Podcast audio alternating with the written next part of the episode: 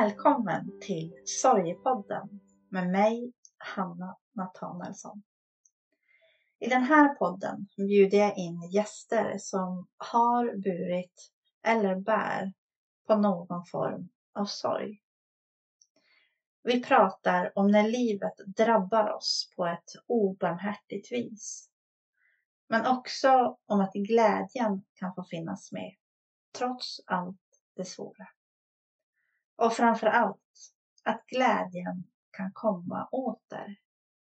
Det finns inget mörker där inte ljuset kan få bryta igenom. Dagens gäst är Madeleine Rothsén.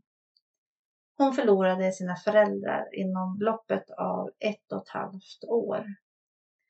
I ett öppenhjärtligt samtal berättar hon hur sorgen kan se olika ut beroende på hur döden kommer. Och om hur hon har fått sörja på sitt vis, även om andra kanske förväntat sig något annat. Hennes mamma lärde henne vikten av att leva här och nu. För det är allt vi har. Hör Maddes historia om döden, livet och allt däremellan. Nu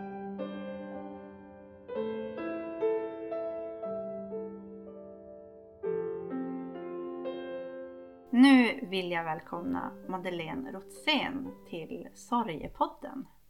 Tack Hanna, det är ju fantastiskt trevligt att få vara här.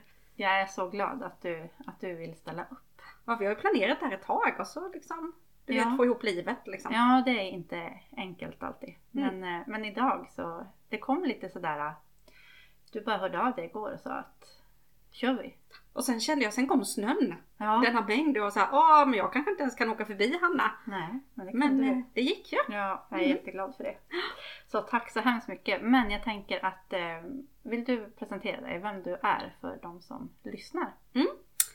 Vem jag är är ju ibland mm. en både stor och liten fråga men till vardags är jag kallad för Madde. Madde Rotzén har jag alltid varit och kommer nog alltid att vara. Mamma till tre tonårspojkar, vuxna pojkar kanske man till och med ska säga.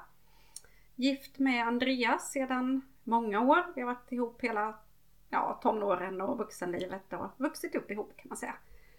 Eh, speciallärare. Kristen. Jag vet inte. Mm. Du har många eh, liksom, färger, färger på din palett. Ja, kanske man ska säga. ja.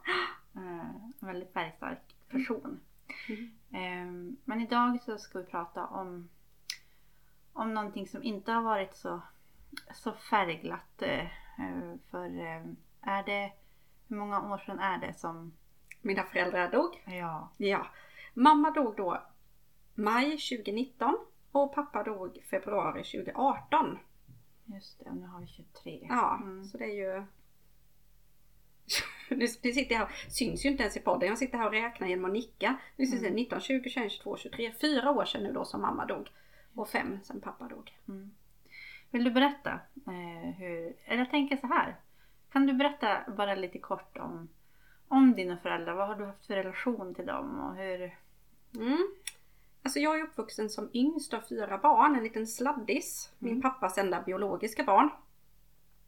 Alltså jag är uppvuxen som en, men som en liten prinsessa kan man säga. Mm. Högt älskad och efterlängtad. Eh, mina föräldrar pratade med mina syskon innan jag blev till till och med. Mm. Eh, och liksom planerade för min ankomst. Eh, född den 21 december så min första julafton tillbringade jag på på BB. Min mamma fick komma hem på permission men mina syskon blev väldigt sura över att inte jag var med. De tyckte att det var lite töntigt så jag har bilder därifrån liksom och sådär. Eh, har alltid varit, eller under uppväxten var jag alltid pappas flicka. Min mamma hade egen affär och jobbade ju ganska mycket men, men pappa var den som var hemma med mig och eftersom att, att jag då var, var pappas enda biologiska barn så var det ofta också han och jag liksom. Mm. Eh, född i Halmstad och sen så småningom flyttade jag då till Jönköping där jag, där jag fortfarande bor, gjorde jag efter studenten. Um, har du alltid haft en, en god relation till dina föräldrar även när du, har, när du flyttade? Liksom. Ja men det tycker jag. Eh, min, när jag flyttade där i början så ringde min pappa mig varje dag. Mhm. Och ibland var han så här till min mamma, vill du inte prata med henne? Mm. Och hon bara, nej alltså jag pratade med henne igår. Och då kunde han säga så här, älskar du inte henne längre? och mamma bara, jo jag har bara ingenting att säga Nej. just nu för vi har ju pratat så många gånger. Ja. Men sen efter, alltså under årens lopp så, alltså jag har alltid varit, ja men jag har alltid varit pappas flicka men, men min och mammas relation i alla fall som vuxen sen har varit på ett djupare plan tänker jag än vad, än vad pappa och min, vad vår relation var. Mm. Eh, mera, ja men prata om livet, om Ja men om livet och liksom allt vad det innebär på något sätt. Som det kanske ofta kan bli. Ja. Är det så att, att med mammor kanske man pratar mer, Ja, mer det djupa och, Ja. och pappor det, nu generaliserar det men, men det kan vara så att det, Mm. ehm, Men hur upptäckte ni att eh, din pappa var sjuk? Ja men jag Jag insåg det på, på två sätt. Min pappa var resande försäljare medan han jobbade och när vi kom hem en gång, vi, eftersom vi bodde i Jönköping och de i Halmstad så, så var vi hos dem ofta alltså en helg eller ibland längre. Och så skulle vi hoppa in i hans bil och jag insåg att den var smutsig och då vet jag att jag bara kände så här Det här, hade det varit min bil så var det inget konstigt men pappas bil den var alltid skinande ren både på insidan och utsidan liksom. Eh, och sen tog det ett litet tag och vi satt och spelade kort, vilket vi alltid gjorde och har alltid gjort. Så var det som att, ja men nästan som att dra ner rullgardinen för pappa. Och han bara tappade liksom allt vad han skulle göra. Och sen tog det några minuter och så drogs rullgardinen upp igen och han bara fortsatte. Var det som att han försvann? Ja, eller? ja men han, han försvann liksom i medvetenhet, eller inte, han svimmade inte av men hans, hans hjärna försvann eller vad man ska säga. Det var som att han bara var helt blank. Mm. Och då, Inte kontaktbar? Jo, men Mm. han fattade liksom inte vad han höll på med. Nej. Han, han, liksom, han kunde inte föra protokoll och han visste inte reglerna liksom. Och då, då minns jag att vi bara var så här, pappa du måste gå till doktorn för jag tror att du har Alzheimers. Mm. Eh, och han gick till doktorn. Men doktorn var så att nej du har inte Alzheimers. Eh, och vi bara så här, nej men någonting är det liksom. Sen tog det, jag vet inte, ett år kanske. Och då var mamma och pappa på en begravning och då, då var det en gemensam bekant då som, som sa till mamma att Men har Ulf Parkinson? Och då var mamma så här, vad sa du nu? Mm. Eh, och då började de utreda honom för det och insåg att det hade han. Eh, men han, han hade inte de här klassiska skakningarna som man, man tänker på med Parkinson utan man såg det på hans, hans gång var det som var mest utmärkande, liksom hans hållning. Mm. Eh, så. Och då, då började han medicinera för det men han blev ju ganska så, alltså progressionen var väldigt snabb för honom om man ser till, till många andra med Parkinson så att det tog liksom, jag vet inte om det kan ha varit, jag kommer inte ihåg men under loppet av tre år kanske från att han var okej till att han fick bo på ålderdomshem för att han inte Oj. funkade liksom. Oj. Mm. Så. Jag vet att du nämnde innan att eh, vi ska komma vidare sen också till din mamma som också eh, blev dålig. Eh, men att eh, du nämnde det att din sorgeprocess över din pappa pågick under den här sjukdomstiden. Ja var- men så var det verkligen att när pappa dog då jag var med när han dog. Mhm. Ehm, och då var det som en liten fågelunge som låg, som låg där i sängen och, och försvann liksom. Och min pappa var från början en, en stor bullrig man som, som tog in hela rummet bara han kom in liksom. Mm. Um, vilket gör att, att när han väl dog så, det är klart att jag var ledsen men men det var ändå en väldigt, väldigt stor lättnad. Det var liksom inte den här den här förlamande sorgen utan den, den stora känslan var lättnad att äntligen fick han dö. Jag vet att jag sa till mamma vi var på, på Skogskyrkogården här i Jönköping. Mm. Ehm, pappa dog i februari så det här var ju då um, allhelgonahelgen innan. Och då sa jag det till mamma att jag hoppas att vi har ett ljus att tända här för pappa nästa år. Eh, vilket vi ju faktiskt hade för att, att han, ja men hela han försvann som, som person liksom. Det var bara ett, ja men ett litet skal kvar. Eh, så att, Så att den pappan som var min, honom sörjde jag liksom från det där när jag, när jag såg bilen på något sätt till att Ja men till att han var borta långt, långt innan han dog liksom. Hur sörjde du det? Var det någonting du kunde sörja inför honom? Eh, eller? Nej, för han förstod inte. Eh, till exempel när han, när han hade flyttat in på ålderdomshemmet så trodde han att han jobbade där. Och han var lite irriterad ibland för att han inte fick så mycket lön. Jag säga att han fick ingen lön. Men, men det, han var liksom, han var, min pappa var väldigt, han var van att sköta hem och hushåll till exempel. För det var det han som alltid har gjort det. Mm. Eh, så att det, det gjorde han ju på äldreboendet med inledningsvis liksom. Nu har jag glömt vad frågan var. Jo, om du kunde sörja liksom, alltså, eh, ja, bredvid honom eller så. När du Ja, om det... nej så att han, han var inte alls medveten om, om skeendet så att det gick inte riktigt. Däremot så har jag, alltså inför mamma kunde vi ju sörja och i familjen. Och sen har jag också några vänner som vi har följt åt sen, sen låg och mellanstadiet. Eh, som också då, ja men just den här känslan att, att de vet också hur min pappa var.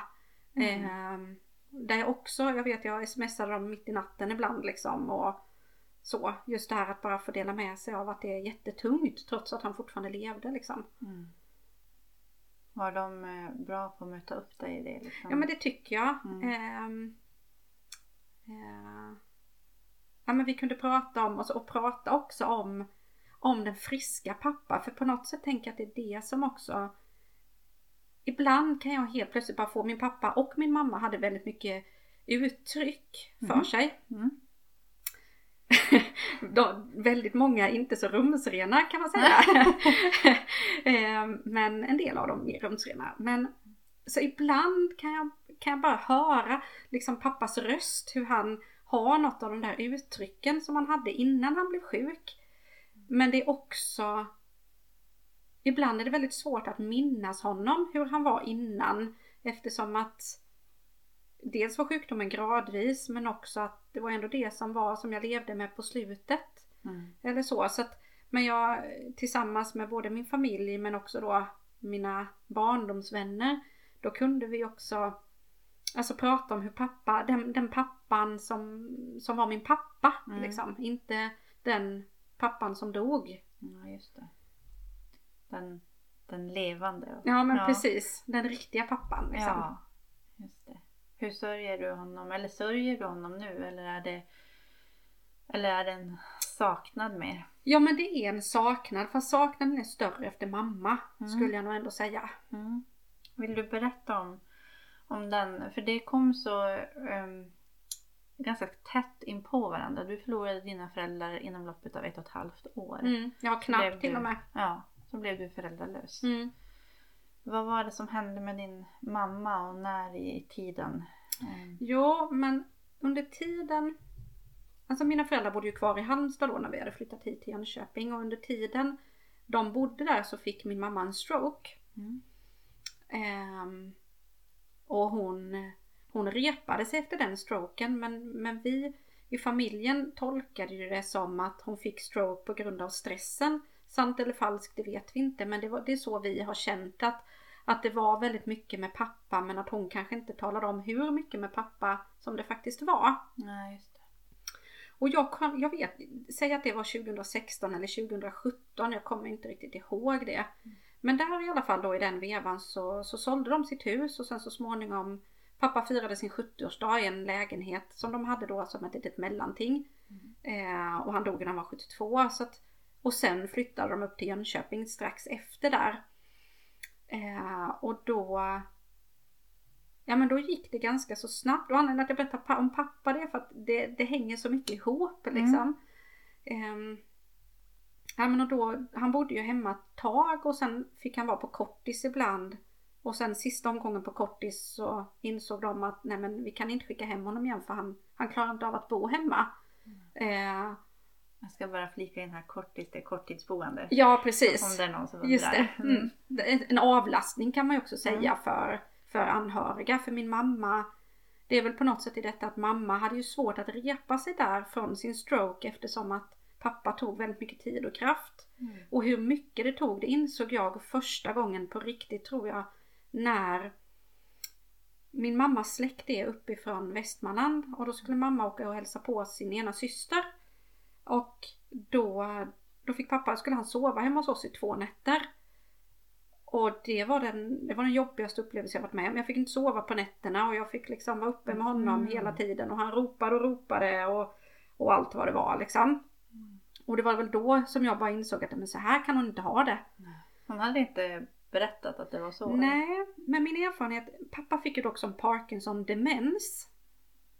Och min erfarenhet är när jag har hört andra som lever med människor som har en demens, det är att det blir lite skambelagt för att så här i efterhand sen då så berättade ju mamma att pappa hade typ så här kissat i blomkrukorna och sånt för att han eh, en sak med demens till exempel är att man kan inte urskilja när det är vitt vilket gör att han hittade inte toaletten. Det var ju inte att han ville kissa i blomkrukorna Nej. liksom. Nej. Men det här delade inte mamma med oss då. Och det, jag tror att det är ganska vanligt bland anhöriga till människor som har demens. Att, Var Och- det, tror du att hon skämdes själv eller ville hon skydda honom tror du? jag vet faktiskt inte. Nej. En blandning kanske. Mm. Eh, och sen också det här att jo men jag, jag borde ju klara av att, att vårda min man. Mm. Att, att på något sätt att det är ett nederlag att kanske då eh, se sin, sin livspartner flytta vidare till, ett, till en institution liksom. Mm. Men då, då vet jag att jag bara kände det till mamma att så här kan du inte ha det. Vi måste liksom hitta någonting. Och det var då pappa fick då först korttidsboende och sen eh, äldreboende då. Och det var ju då också som mamma på något sätt började repa sig från sin, sin stroke. Mm. Eh, så att hon, hon började orka hitta på saker på ett annat sätt. Hon fick tillbaka efter stroken så hade hon, hon tappade liksom, hon skrev väldigt illa till exempel. Men det började hon få tillbaka bättre och, ja men och sådana saker. Så att hon var mycket bättre. Så hoppfullt. Mm. Man får se det. Mm. Eh, så sen när pappa dog då i februari då var det som att hon ändå, hon levde upp. Eh, bland annat så fick hon följa med, eh, jag och min man och min mans familj skulle åka på en resa till, eh, till Kroatien. Mhm. Och så satt vi och pratade om den och så hör jag hur min svägerska helt plötsligt säger Vill du också följa med Inger? Och mamma var så här Ja, men det kanske jag vill. Och min svägerska, det har ju inte till detta, men hon kom till mig sen och bara Du Madde, var det okej för dig att jag bjöd med din mamma? och det var så här i efterhand är jag så lycklig över det, för det här är, den, det är en av de finaste resor som jag haft med min mamma. Mhm. Min mamma älskade vin Mm. eh, att dricka vin Ja. alltså. Och när vi då var i Kroatien så råkade det sammanträffa eh, träffa med vinskörden. Mhm. Så då, och vi bodde på en, alltså en stor anläggning som hade då vindruvor. Så vi snackade ihop oss där med dem och fick hjälpa till att skörda vindruvor och trampa vin. Ah. Så det var ju när mamma kom hem därifrån, hon bara Madde jag behöver inte åka någon merstans, det här var mitt livs resa. Nej men är det sant? Mm. Så fantastiskt. Och det här var ju då i september. Min ena son fyllde år så det liksom var runt där i september. Mm. Och hon levde verkligen upp. Eh, och sen var det den, var första maj. Min bror och hans barn skulle komma upp från Hylte för att eh, eh, gå på Prison Island. Och så var min ena, inte min ena son, min ena hund Mm. blev dålig. så jag ville inte lämna honom. Och då Nej. ringde jag till mamma och var så här, mamma kan du bara komma och passa hundarna? Ja visst, då tog hon sin cykel, hon bodde bara någon kilometer från mig liksom. Mm. Eh, tog hon sin cykel och kom upp och liksom hjälpte till. Och sen då när vi kom tillbaka, vi lagade mat och hon, hon, barnen fick lära henne ett nytt kortspel och Mm. när min man kom hem, han hade jobbat eh, natt eller dygn eller vad det var, jag kommer inte ihåg. Då säger hon till honom så här, Andreas, eh, kan inte du hjälpa mig att sätta in en kontaktannons? Jag skulle så gärna vilja ha någon att krama och äta middag med. Mhm. Och sen cyklade hon hem. Och sen gick det två dagar så ringer telefonen på mitt jobb från en bekant som säger så här. Madde, jag har precis gått förbi. Din mamma har trillat med cykeln. Jag tror bara hon har brutit benet men ambulansen är på väg så att du kan veta om det. Mm. Eh, och jag bara kände att det är någonting. Så jag går in, jag är lärare, så jag gick in till mina elever och sa att Vet ni vad, min mamma är på väg med ambulans till sjukhuset. ni får titta på en film, det kommer någon, nu går jag. Mm. Och så gick jag. Mm. Och så sa jag till mina kollegor också. Mm. Och då fick jag, när jag kom in till sjukhuset så fick jag identifiera mamma. Ehm, för hon hade ingen ID med sig och jag såg ju att det var hon. Mm. Och då var hon talbar. Eh, och sedan skulle hon upp till röntgen eftersom att hon hade svimmat då i samband med att hon trillade. På vägen upp till röntgen så sjönk hon i medvetande och kom inte tillbaka. Och då såg man ju sen också då på röntgen att det var en, en ganska kraftig hjärnblödning som var ju det som hade... Men, gjort men det. när du mötte henne där, eh, när du kommer till akuten. Mm. Eh, känner du då att nej, men det här är något annat än ett brutet ben? Eller vad? Ja men det var ju min... Jag ska inte säga att, alltså när, när telefonsamtalet kom på jobbet, Mm. jag vet att jag bara kände mig helt kall. Eh, alltså inte kall i sinnet men kall i kroppen på Mm. något sätt liksom. Och så bara kände jag att nej, jag måste åka upp. Och i vanliga fall hade man inte behövt åka upp för ett brutet ben Nej. på något sätt. Men jag kunde bara inte, inte åka. Men då när du träffade henne och där du fick identifiera henne liksom eh, för att hon inte hade något ID. Mm. Kände du då, alltså fortsatte den här kylan inombords att det här är någonting? Det jag minns var bara Ja. att jag verkligen var så här. När jag kom upp till akuten så är det som, först kommer man in i ett, i ett litet väntrum och så är det som en, det är en glasdörr in och så sitter den där som man får, som tar emot den och sen får man gå vidare liksom. Mm. Och jag minns att hon satt där och hon pratade inte i telefon och hon gjorde ingenting. Och jag, jag vet att jag, bara, jag började banka på den här rutan och var så här, men släpp in mig. För jag bara var helt, jag måste in, jag måste. Mm. Eh, och när jag då kom in då till henne, alltså hon är på expeditionen där. Så sa jag det att min mamma har åkt upp med ambulans och jag är här för att identifiera henne. Och det tog, ja men det var som att hon, ja men ni vet sådär, lite att man hör att livet passerar i revy. Mhm. Att, att, så att det, det här kan ju hända att det var att det gick två sekunder. Mm. Men i min värld så stod jag där ute i flera minuter. Mm. Eh, så jag kan inte säga att när jag kom till mamma att jag då kände att det var något specifikt så. Men jag vet att min känsla hela tiden var att jag måste skynda mig. Jag måste, måste, måste. Och vad hände sen? Du säger att hon, hon sjönk i medvetande. Vad, vad fick du för information när du Ja, var där? Den, då fick jag ju, det kom ju en, om det var läkare eller sköterska kommer jag inte ihåg. Och som berättade att hon sjönk i medvetande och vi ser att det är en hjärnblödning. Eh, och hon hamnade på, på intensivvårdsavdelningen då. Så då, eh, mamma och jag bodde i Jönköping. Mina syskon är, bodde inte i Jönköping, eller bor inte i Jönköping. Det var Hylte och Stockholmstrakten. Mm. Så då var det också att försöka få ihop mina syskon. Eh, för att Ja men det, och då, riktigt hur allvarligt det var det visste vi inte då. Ehm, men, men att få ihop dem så att de också kunde komma så fort som möjligt. Var det en overklig känsla att, att ringa till dem? Var det, gick det bara på autopilot eller hann du känna en, en massa saker? Jag kommer faktiskt inte ihåg. Jag minns liksom, jag minns att min bror typ satt i lastbilen när jag ringde och jag var lite så här att försökte tona ner det så inte han skulle liksom köra vägen eller någonting nej. liksom. Mm. Så, eh, det vet jag att jag minns. Mina systrar minns jag inte riktigt. Nej. Vad hände sen? Sen flyttade vi in på IVA kan man säga. Ja. Vi är en ganska stor och bullrig och brötig familj. Så de på IVA då, IVA är alltså inte- intensivvårdsavdelningen. Mm. Och då hade hon ju personal dygnet runt. Och de var så här, "Vi är inte riktigt vana vid det här. För att vi förstod ju ändå väldigt, alltså morgonen efter så var det ju klart att hon kommer inte att överleva. Asså. Det, det, och jag tror att vi på ett sätt, vi fattade nog det på en gång. Men jag tror att morgonen efter fick vi väl eh, liksom besök av en läkare och verkligen pratade om det så. Och då pratade vi om typ donation och så. Det var vi Oj. helt sådär att jo men mamma skulle vilja donera allt hon hade kunnat liksom. För min mamma hon hade ett uttryck som var så här att vi vet bara en sak i livet Madde och det är att vi dör. Mm. Det är vad vi vet. Mm. Hon var ganska krass med det mesta liksom. Mm. Nej men så då flyttade vi verkligen, vi flyttade in. Det började med att vi kvällen där först åkte vi hem till mig eftersom att jag ju då bodde nära.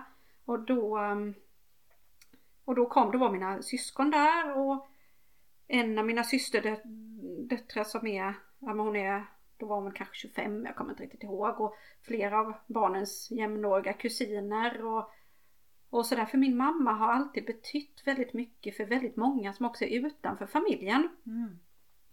Eh, och som sagt vi har Ja men vi har alltid varit lite sådär, vi har, vi har pratat mycket om döden vilket gör att vi hade ganska bra koll på hur mamma ville ha det. Och det var också så här hon ville dö. Hon ville inte dö som pappa, det var, en, var hon jättetydlig med liksom. Men så jag minns att först, jag tror att det var första kvällen så hade vi, jag kommer inte ihåg vad vi lagade för mat men jag vet att eh, om det var jag eller om det var min systerdotter som köpte en pelargon för min, min mamma älskade pelargoner. Mm. Och när den stod på, på bordet så var det någon som var tvungen att vattna den med, med lite vin också för att, att mamma skulle få lite vin liksom. Så. Nej men och sen då så blev det att vi Ja men det var ju inte där att vi kom in en i taget och satt tyst vid hennes säng och bara satt där och grät. Nej. Utan vi grät och vi skrattade om vartannat och vi Ja men någon låg bredvid henne i sängen och den andra satt på golvet och en tredje i en fåtölj och den fjärde där och den femte där för det liksom trillade in folk till höger och vänster. Mm. Min pappas kusin som bodde hemma hos oss en period när hon var yngre kom helt plötsligt förbi och Mm. min systerdotters före detta man ställde sin motorcykel för han var på motorcykelresa. Han ställde den typ i Lettland eller vad det var och bara tog första bästa flyg för att komma och hälsa på. Oj. Ehm, för att han var tvungen att säga hej då till henne liksom. Och, så att det var lite speciellt kan Mm. man lugnt säga. Så vi hade ju också planerat hela hennes begravning innan hon var död. Mhm. Eh, vi låg och tittade på bilder och visade personalen bilder. Så att Var det en del av sorgebearbetningen? det var verkligen en del av sorgeprocessen. Mm. Det var Alltså man kan ju inte säga att det var en fantastisk tid när ens mamma låg i respirator och höll på att dö. För det, det var det ju inte. Men så här i efterhand är jag väldigt, väldigt glad för de dygnen. Mm. Eh, att hon liksom Att vi fick dem tillsammans liksom. Eh, och sörja tillsammans. Mm. Upplever ni att det, att det verkligen var så att ni, att ni lika mycket som ni var bull, bullriga och kunde skratta och att lika mycket kunde ni gråta och, och vara i, i sorgen? Ja men verkligen. Sen Mm. hade vi också väldigt Alltså vi, vi har ju också olika sätt för det var ju De flesta av oss var ju där på dagen. Mm. Men min äldsta son som då var Jag vet inte, 17 kanske. Ehm, han ville åka upp över natten själv och sitta där själv. Mhm. Och då var vi så här, ja men då måste du ringa om du vill att vi ska hämta dig. Och då vet jag att min syster var också där och var i väntrummet för att vi ville respektera honom att han ville ha sitt avsked själv. Mm. Men ändå att det fanns andra nära. Och då var det på något sätt att han Han gjorde sitt avsked den natten så han var inte så mycket mer på sjukhuset sen. För det var hans sätt. Ja.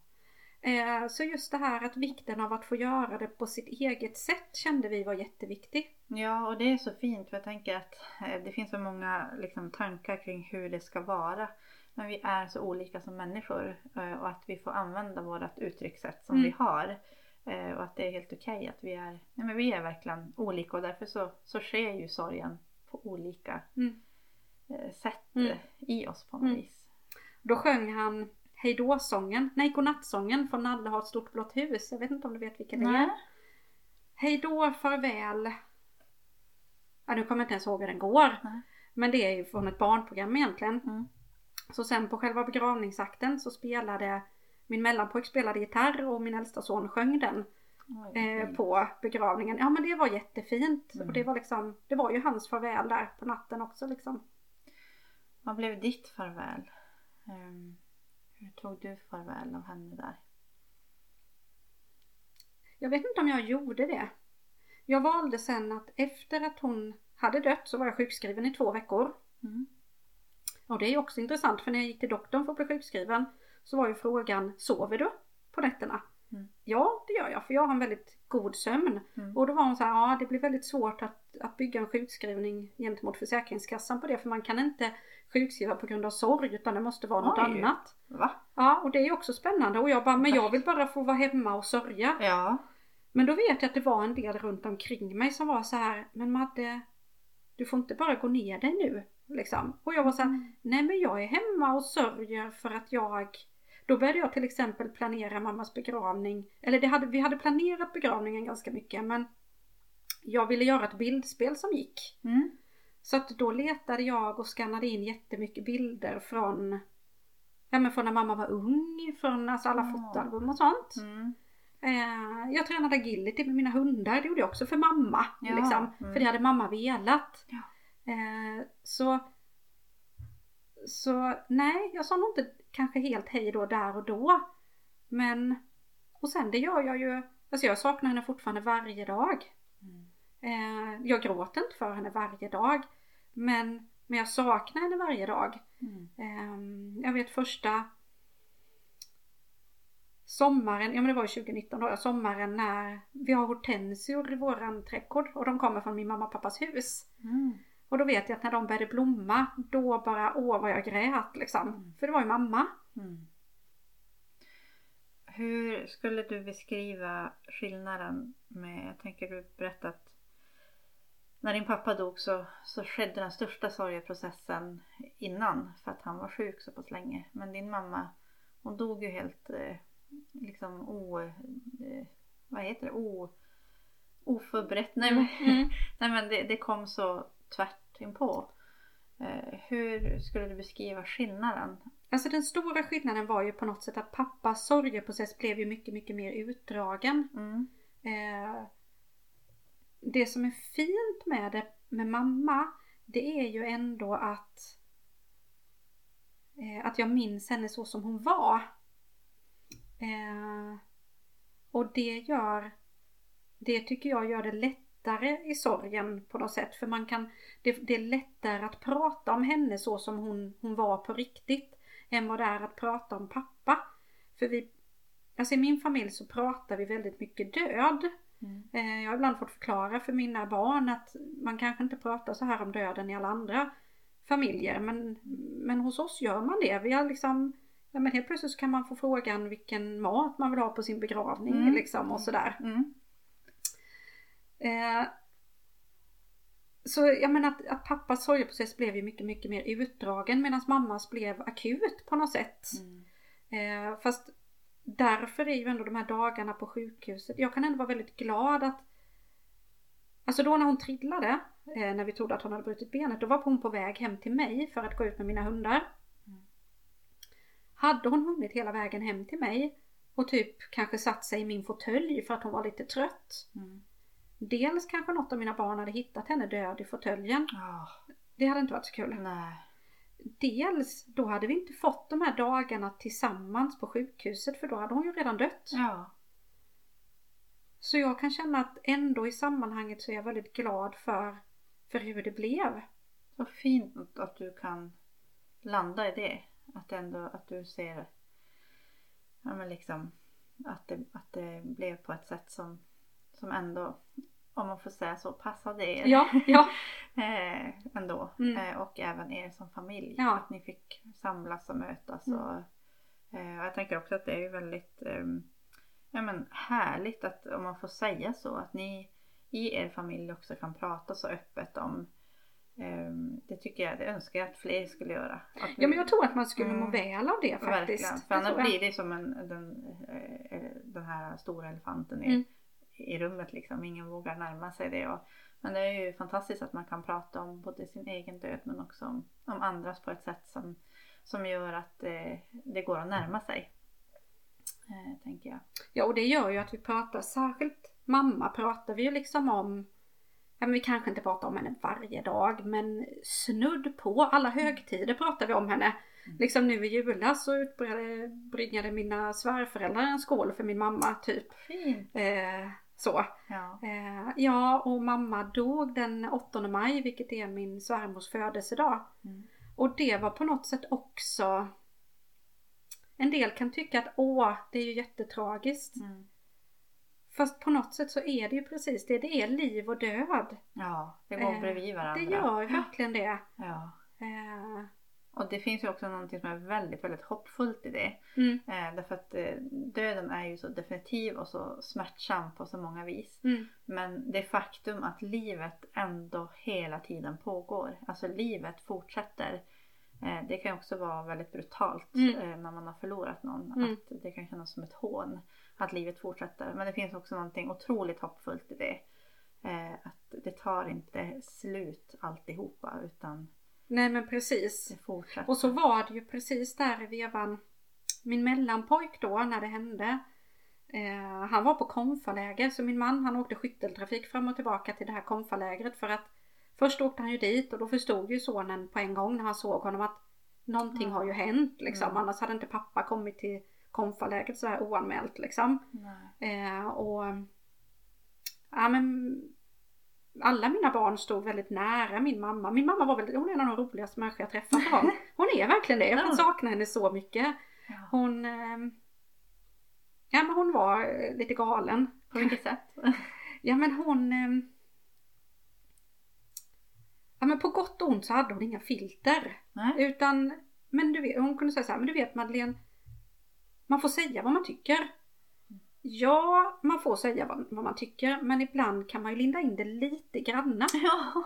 Som till exempel när hon kom hem till oss och vi hade, ja men vi hade gjort om, vi hade lagt nytt golv och så hade vi tapetserat och sen hade jag målat om, vi hade ett slitet träbord som jag målade vitt. Mm. Och så kom hon så här, hon bara, ja, och det är ju väldigt vitt. det var liksom hennes enda kommentar. eh, så jag vet, jag sa det till henne sen att mamma du får gärna tycka att det är vitt. Jag tycker att det är jättefint. Mm. Hon bara, ja men det är ju fint. Ja, så jag. Till nästa gång mamma så Mm. kan du tänka att om man säger så här att vad fint det blev. Även om jag tycker att det är väldigt vitt. Mm. Eh, och då var hon 70 liksom. Ja. När jag försökte träna henne i att, att ja, man har, vi har liksom rätt att säga och tycka vad vi vill. Mm. Men man kan ju ändå göra det lite mm, snyggt. Men Ja. det kunde inte hon. Nej. Det liksom, vi skojade med henne, alltså, alltså den första maj då, sista gången jag träffade henne. Så var det någonting och då sa vi så här, men mamma du vet att eh, vi har några barn med diagnoser i våran familj. Mm. Eller på våran, i våran släkt liksom. Och då var vi så här att, ja, mamma du vet att det här kommer från dig? Hon bara, ja, ja det har jag väl fattat. eh, Mm. så. Mm. Eller som på min 30-årsdag, den här, den här är lite rolig. Mina barn tycker ibland att de har hört den en gång för mycket. Okej. Men jag, ska, jag berättar den nu då, för du har ju aldrig hört den. Eh, då fyllde jag 30. Min man och min mamma hade en väldigt speciell relation. Min mamma älskade min man, ibland tror jag mer än vad hon älskade sina egna barn liksom. De pratade om allt, drog sexskämt och ja, det ena med det andra. Ja. Så när jag fyllde 30 så helt plötsligt så klingar mamma i glaset och ställer sig upp. Mm. Och så säger hon så här. Ja, jag tänkte vi skulle utbringa en skål. Och alla bara, ja, le, le lite och ta upp glasen. För Andreas som har lagat så god mat. och alla skålar ju då och dricker liksom så. Och så sätter hon sig ner. Och alla flinar lite. Hon fattar ju inte varför alla flinar. Nej. Då klingar min svärfar i glaset och ställer sig upp och säger så här. Ja, jag tänkte vi skulle utbringa en skål. För Madde som ju fyller 30 år idag. Och mamma bara. Ja, just det. Det hade hon inte tänkt på. Nej, det tänkte hon inte på liksom. Nej. Så Fast- därför, så vi, därför är hon ju med oss väldigt, väldigt mycket. Liksom. Hon har fortfarande bilden på kylskåpet när hon står mitt i det här vindruvsklasarna i Kroatien med sekatören Mm. upp i luften liksom och sådär. Hon fick verkligen leva ända till slutet. Ja. Eller och, och leva på nytt efter stroken. Ja, ja men det fick Mm. hon. Ja men det var det jag skulle säga med. För att en del, det här med liv och död, att på något sätt Mamma lärde mig också att älska livet fullt ut. Mhm. Eh, vilket gör att ja, mamma dog. Men jag älskar att leva. På något sätt. Och det har hon verkligen skickat med mig. Och att våga leva här och nu liksom. Mm. Så fint. Vad har du för... eh, vad tänker du om din egen död? Och liksom... Jag tänker att den kommer ju. Ja. Ja men 2019 då, förutom att min mamma dog. Eh, så på sommaren var vi i Storbritannien. Och var med om en ganska allvarlig bilolycka. Oj. Där jag, jag kan se bilen komma. Eh, men Min familj hann inte se den men de minns mig att jag vrålar. Och då var det så här att vi, vi voltade inte men vi snurrade runt som ett, ett och ett halvt varv, jag vet inte riktigt. Och under tiden vi snurrade så kände jag så här att jag trodde att vi skulle dö hela bunten. Jag trodde verkligen det. Och sen då när bilen stannar, jag satt i mitten bak och så öppnar de andra fyra, de öppnar varsin dörr och bara reser sig upp och går ut. Då hamnade jag i chock. För då var jag så här, men vänta lite här nu, ni skulle dö. Mm. Och det här när de pratar om att man ser hela livet passera, Mm. det hände där och då. Mhm. Och mammas död och sen krocken, Mm. den kombinationen har fått mig att bara inse att ja men vi lever ju nu. Mm. Och då måste vi ju leva nu. Ja. Ja! Jag menar Mm. jag, jag kan dö imorgon. Ja. Jag kan dö när jag kör hem. Eller så dör jag, mm, igår var jag ute och skottade snö med min 97-åriga granne. Han är hur pigg som helst. ja. Och, Och vi det vet jag ju inte, Nej. som tur är. Nej, precis. Men... Eh, Afternoon tea blir det på min begravning troligen. Jaha, Mm. har du bestämt? Nej, men min Mm. familj tyckte det för jag älskar afternoon, jag älskar te liksom. Ja. Skönt att ha det utrett redan. Ja. Mm. Behöver nog inte fundera. Nej.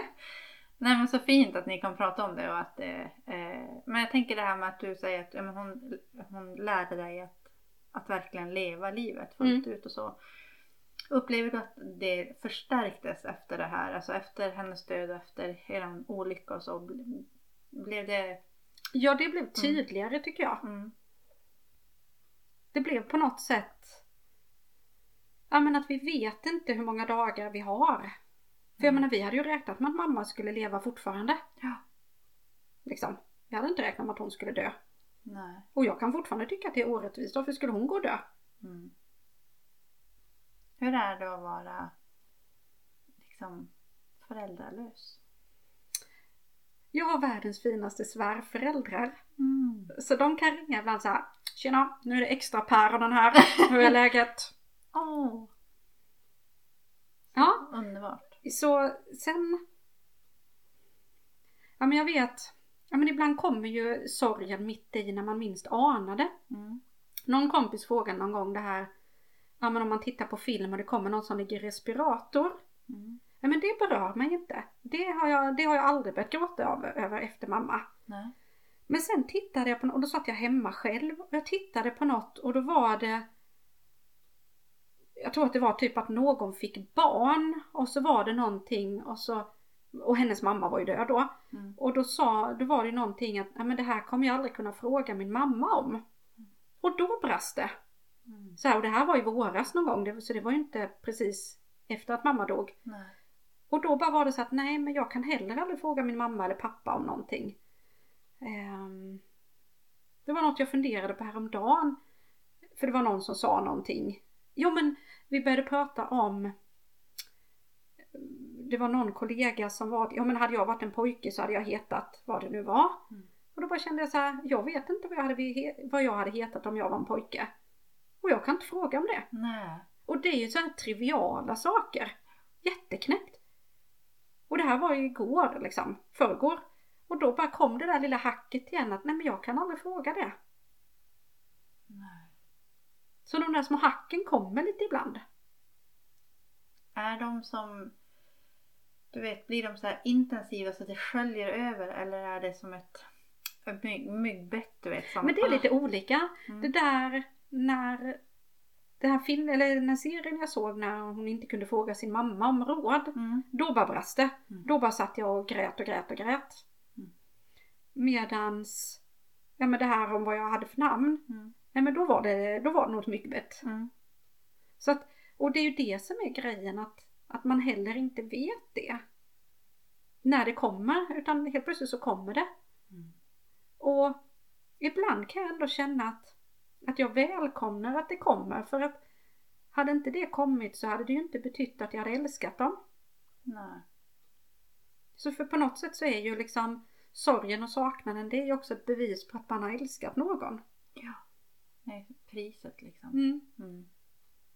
Det är ju det, det unnar man ju alla. Ja men verkligen. Ja, Mm. att, få, Att få älska någon så hårt Mm. att, det, att det gör så ont. Mm.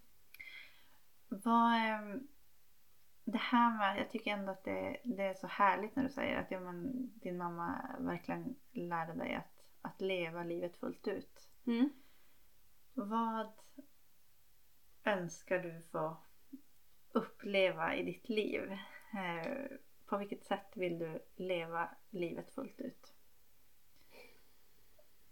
Inte jobba för mycket.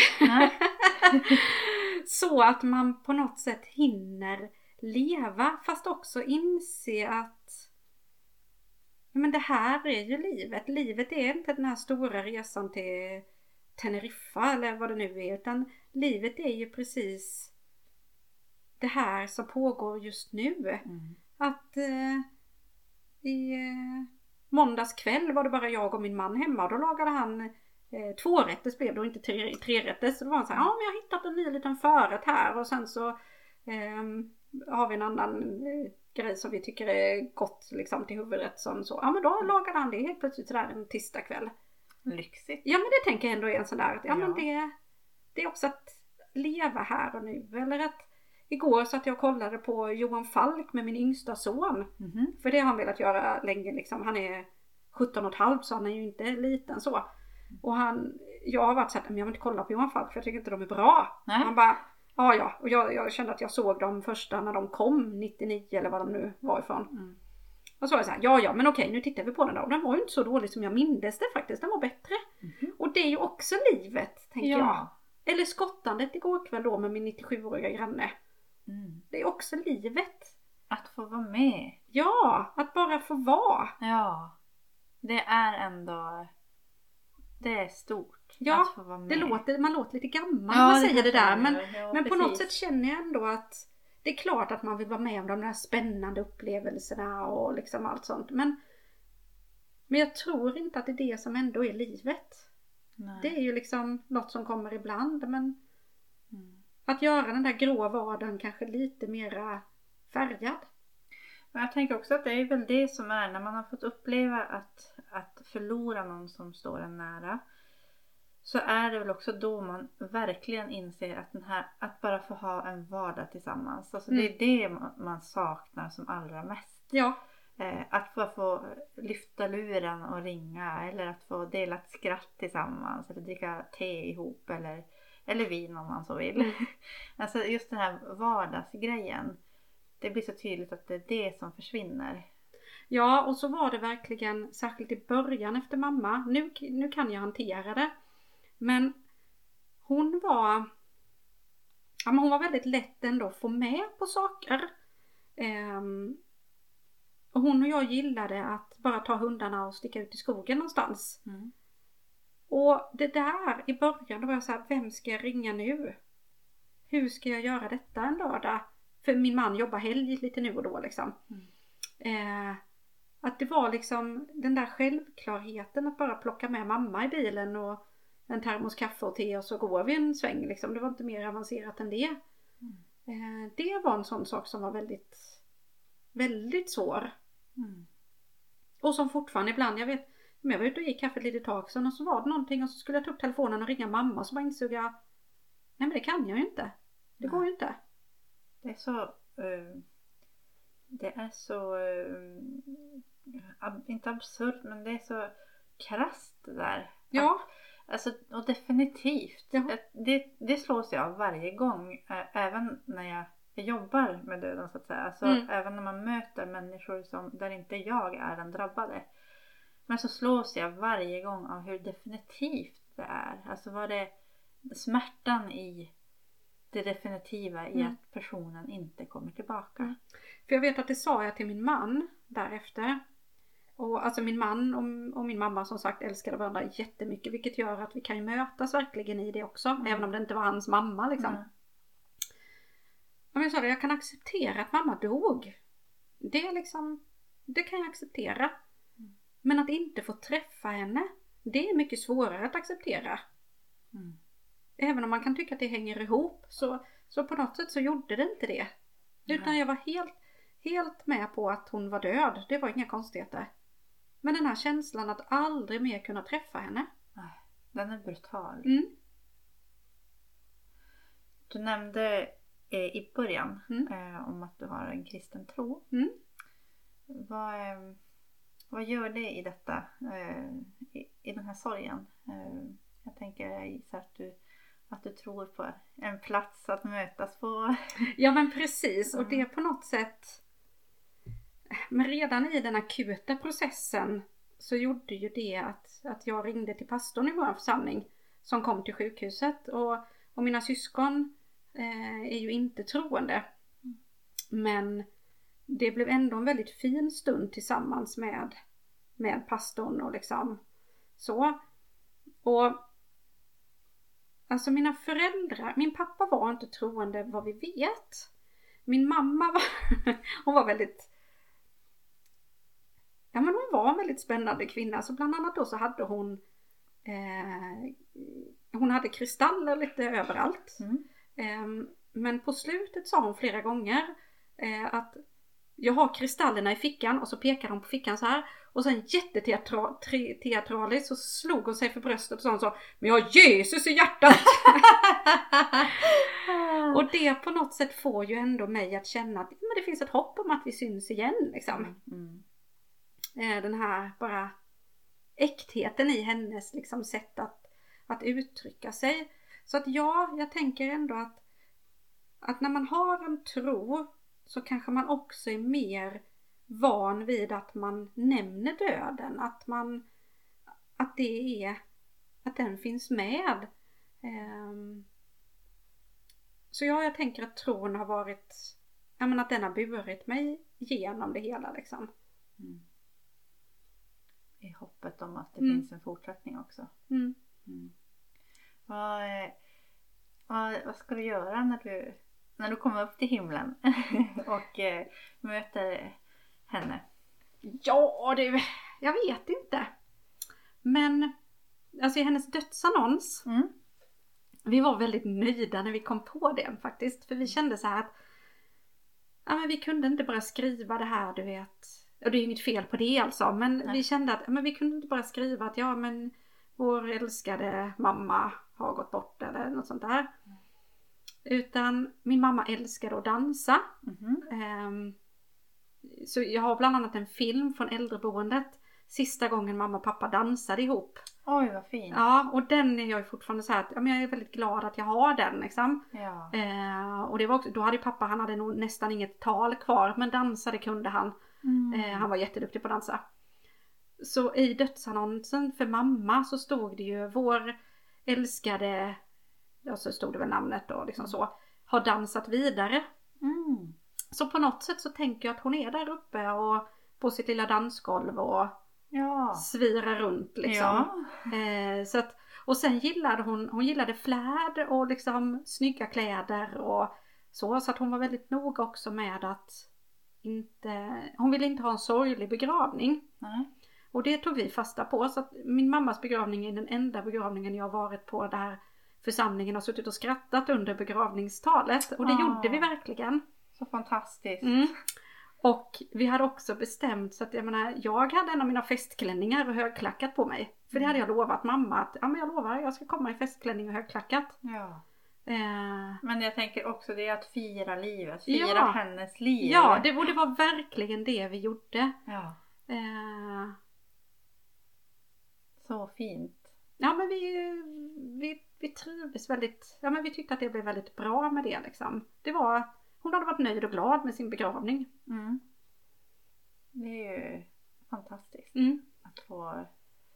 Jag tänker att det är också fint att få prata om det på det sättet. Ehm, Just för att det, det är inte, sorg är inte fyrkantigt. Man, pratar, man kan prata om det på olika vis. Mm. Eh, och att eh, jag hoppas också att det här ska få, få eh, landa i människors hjärtan eh, som också vill, vill prata om sorg på ett annat vis. Eh, förstår du hur jag menar då? Ja men jag Att, eh, tänker det. mm, Och jag menar sen betyder inte det att, att vi inte har varit ledsna och inte Nej. har gråtit. För det har vi ju. Ja. Jag, jag tror att jag berättade det för dig innan att när jag var hemma en sväng från sjukhuset när mamma låg inne.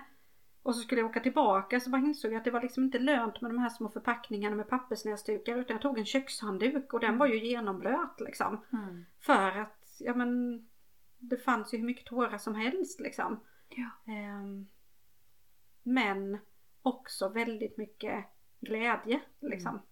Ja men det är det att livet och döden kan gå hand i hand Mm. på något vis. Alltså det, eh, och, att, och det är så bra att, att det får komma fram och att vi lyfter det. Vi lyfter det igen och igen. Mm. Eh, för att det är så det är. För en del människor ser, är sorgen liksom becksvart och kan kännas konstant under en lång tid. Mm. Men för andra människor så är den, eh, jag, jag tänker mig ibland sorg som tsunamivåg liksom. Ja. När den kommer. Ja. Men att däremellan kan det vara stillsamt. Det kan vara mycket färger. Det kan vara för att...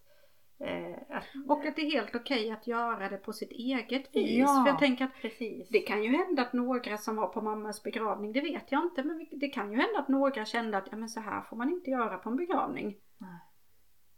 Men Men- det var vårt sätt. Ja. Och vi fyra syskon var ju helt eniga i det och jag vet att mamma var helt enig i det liksom. Mm. Ehm, Det är precis, det får man, det får man göra. Mm. Liksom. Jag tänker, jag, jag höll en begravning en gång för några år sedan. Där hela begravningen var en konsert. ja. Eh, det var liksom bara, eh, det var fantastiskt. Mm. Och innan begravningen också när, när människorna kom så, så var det uppsluppen musik. Det var nästan, om man tänker som feststämning. Mm.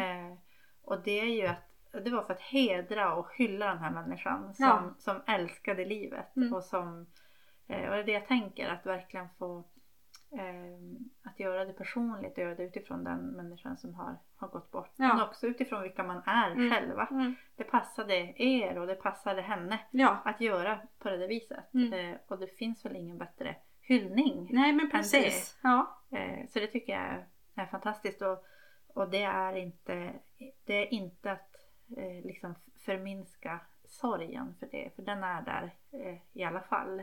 Verkligen. Ja, den slipper man inte undan. Men att, att få se eh, alla, alla delarna. Mm. Eh, vad, ehm, vad skulle du vilja skicka med lyssnarna? Att våga prata både om sorgen men också om döden. Mm. Nu kan ju sorg vara mycket mer än död. Mm. Men om vi tänker att just det här handlar ju ändå om sorgen vid död. Eh, ja men att våga verkligen våga prata om det innan. Mm. Eh, för då på något sätt Dels tänker jag i de Ja men i de då konkreta situationerna som när jag och mina syskon då träffades när mamma, alltså på sjukhuset. Mm. Vi behövde inte börja diskutera när läkaren frågade hur hon stod till eh, organdonation för att det visste vi redan. Mm. Eh, när det gällde begravningen, ja men hon har pratat i alla, alla år om att hon ville ligga i minneslund till exempel. Eh, vi behövde inte diskutera det. Utan de här sakerna var ju, det var ju så mycket som redan var färdigt för att vi hade pratat om det. För att ni har vågat ta upp det Ja. medans Mm. tid. Mm. Mm. Och det gör ju ändå sorgen enklare att man inte i de lägena känner att men tänk om jag väljer något som min mamma eller pappa i det här fallet inte hade velat att jag valde. Eh, så. Mm. så att våga prata om det och att, och att våga sörja på sitt eget sätt. Jag tränar agility. Ja. ja. Precis. Och att verkligen ändå också men att verkligen våga sörja. Mm. För ibland tror jag att, att folk tänker att ja, så dör en människa och så gråter man lite och sen ska man nästan vara färdig. Mm. Precis. Och sen tänker jag också som, som människor runt omkring. Eh, för jag har några kompisar som var så här, men Madde, vad kan vi göra? Ja, fortsätt fråga. Mm. Att faktiskt, ja men som jag har en vän vars, vars pappa dog också ganska, han fick cancer men, men det blev ett jätte, jättesnabbt förlopp. Mm. Eh, och vi hade känt varandra i alla år. Ehm, och det här var, om det var som, alltså sommaren efter studenten tror jag att det var, så hon var ju inte så gammal. Eh, och jag vet att vi har pratat om det sen att, att, att jag vågade ju fortsätta fråga. Sen, ja men hur är det? Liksom. Jag kan fortfarande ställa frågan till henne nu Mm. liksom. Hur känns det att, faktiskt att dina barn inte fick träffa sin morfar liksom? Att våga, våga fråga. Ja, verkligen. Det där är ju också, människor är rädda för att man ska trampa på tårna. Mm. Och, men det är ju också otroligt smärtsamt att vara den som bär sorg och inte får frågor. Mm. Eh, för vi kan inte lägga det på den sörjande. Nej men precis det där att ja men hör av dig. Nej, Nej, nej. men det gör man inte. Nej, precis. Och det är inte så lätt heller att börja, även om man, om man hörs. Det är inte så lätt att vara den som tar upp, alltså att berätta om sin sorg. Men får man en fråga, det kan bara vara en fråga så kommer Ja. massa grejer. Ja. eh, så att vara den Och att våga bara lyssna. Man behöver inte heller tänka jag känna att, att som vän, medmänniska, alltså man behöver inte ha en massa svar. Nej, precis. För ibland tror jag att det kanske är det man tänker sig att ja men om jag, om jag ska fråga så måste jag kunna svara. Men det är ju inte det. Utan det är Mm. bara att vara en lyssnande medmänniska. precis. Koka en kopp te och bereda på att sitta en stund liksom. Ja. Men jag tänker att det också är, vi, eh, jag vet inte om det är typiskt svenskt eller om det bara är typiskt mänskligt. Men så, så vill man så gärna lindra. Man Mm. vill få smärtan att sluta göra ont. Och jag tror att det är därför det är så svårt när en människa sörjer. Om det är någon som har dött eller om det är en annan slags sorg. Man vill säga några bra ord som lindrar. Man vill göra någonting som gör att, det blir, att sorgen blir mindre. Och det går inte. Eh, och därför tror jag att det är så många som hellre, ah, då, Mm. Och jag tror att det var därför en del var så bekymrade när de hörde att jag var sjukskriven mm, efter mamma. Att jag var såhär, men jag, och jag, jag var helt öppen, ja men jag måste bara få sörja. mm, Och de var lite såhär, ja men är det inte bra att komma in i rutiner och börja jobba? Och, ja men jag ska göra det sen, men jag måste få sörja först. Du är ju så tydlig i det där. Du är så tydlig och så här, ja, men det är så bra. Jag är lite krass liksom. Ja men det är så bra också att veta så här, bara, nej men det här, jag må, behöver ge mig själv det här Mm. nu. Det här är, för, och, du gör det liksom ordentligt. För sen så fortsätter ju sorgen såklart ändå även när du går tillbaka till jobbet. Men, Ja och det är ju fortfarande, jag tänker så att det är fortfarande ett ärr men just nu Ja. är det inte ett öppet sår utan det har lagt sig Först var det en sårskorpa som man pillade loss lite nu och då. mm, Men nu kanske det ändå är någorlunda ett ärr. Mm, Och sen ibland så börjar de där en klia liksom. mm. Du är fantastisk på att sätta ord eh, på det som är. Eh, på ditt krassa vis. Ja. Men det behövs också. Det har jag efter min mamma. Ja, hon, och hon var ju härlig. Det var hon. Ja, så tack så hemskt mycket för att du ville ställa upp på det Ja. här. Eh, Jag är så tacksam och glad för det och jag är alldeles säker på att det finns människor som, som blir hjälpta av detta. Kan man hjälpa någon är det ju bara fantastiskt bra liksom. Mm. Och det, det gör du. Tack Madde. Tack.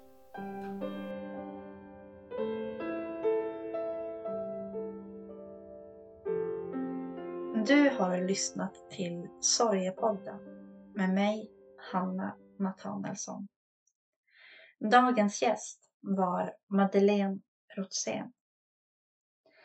Följ gärna mig i mitt arbete på Aurora sorgebearbetning på Facebook och Instagram. Eller besök min hemsida www.aurorasorg.se Tills nästa gång, ta hand om dig.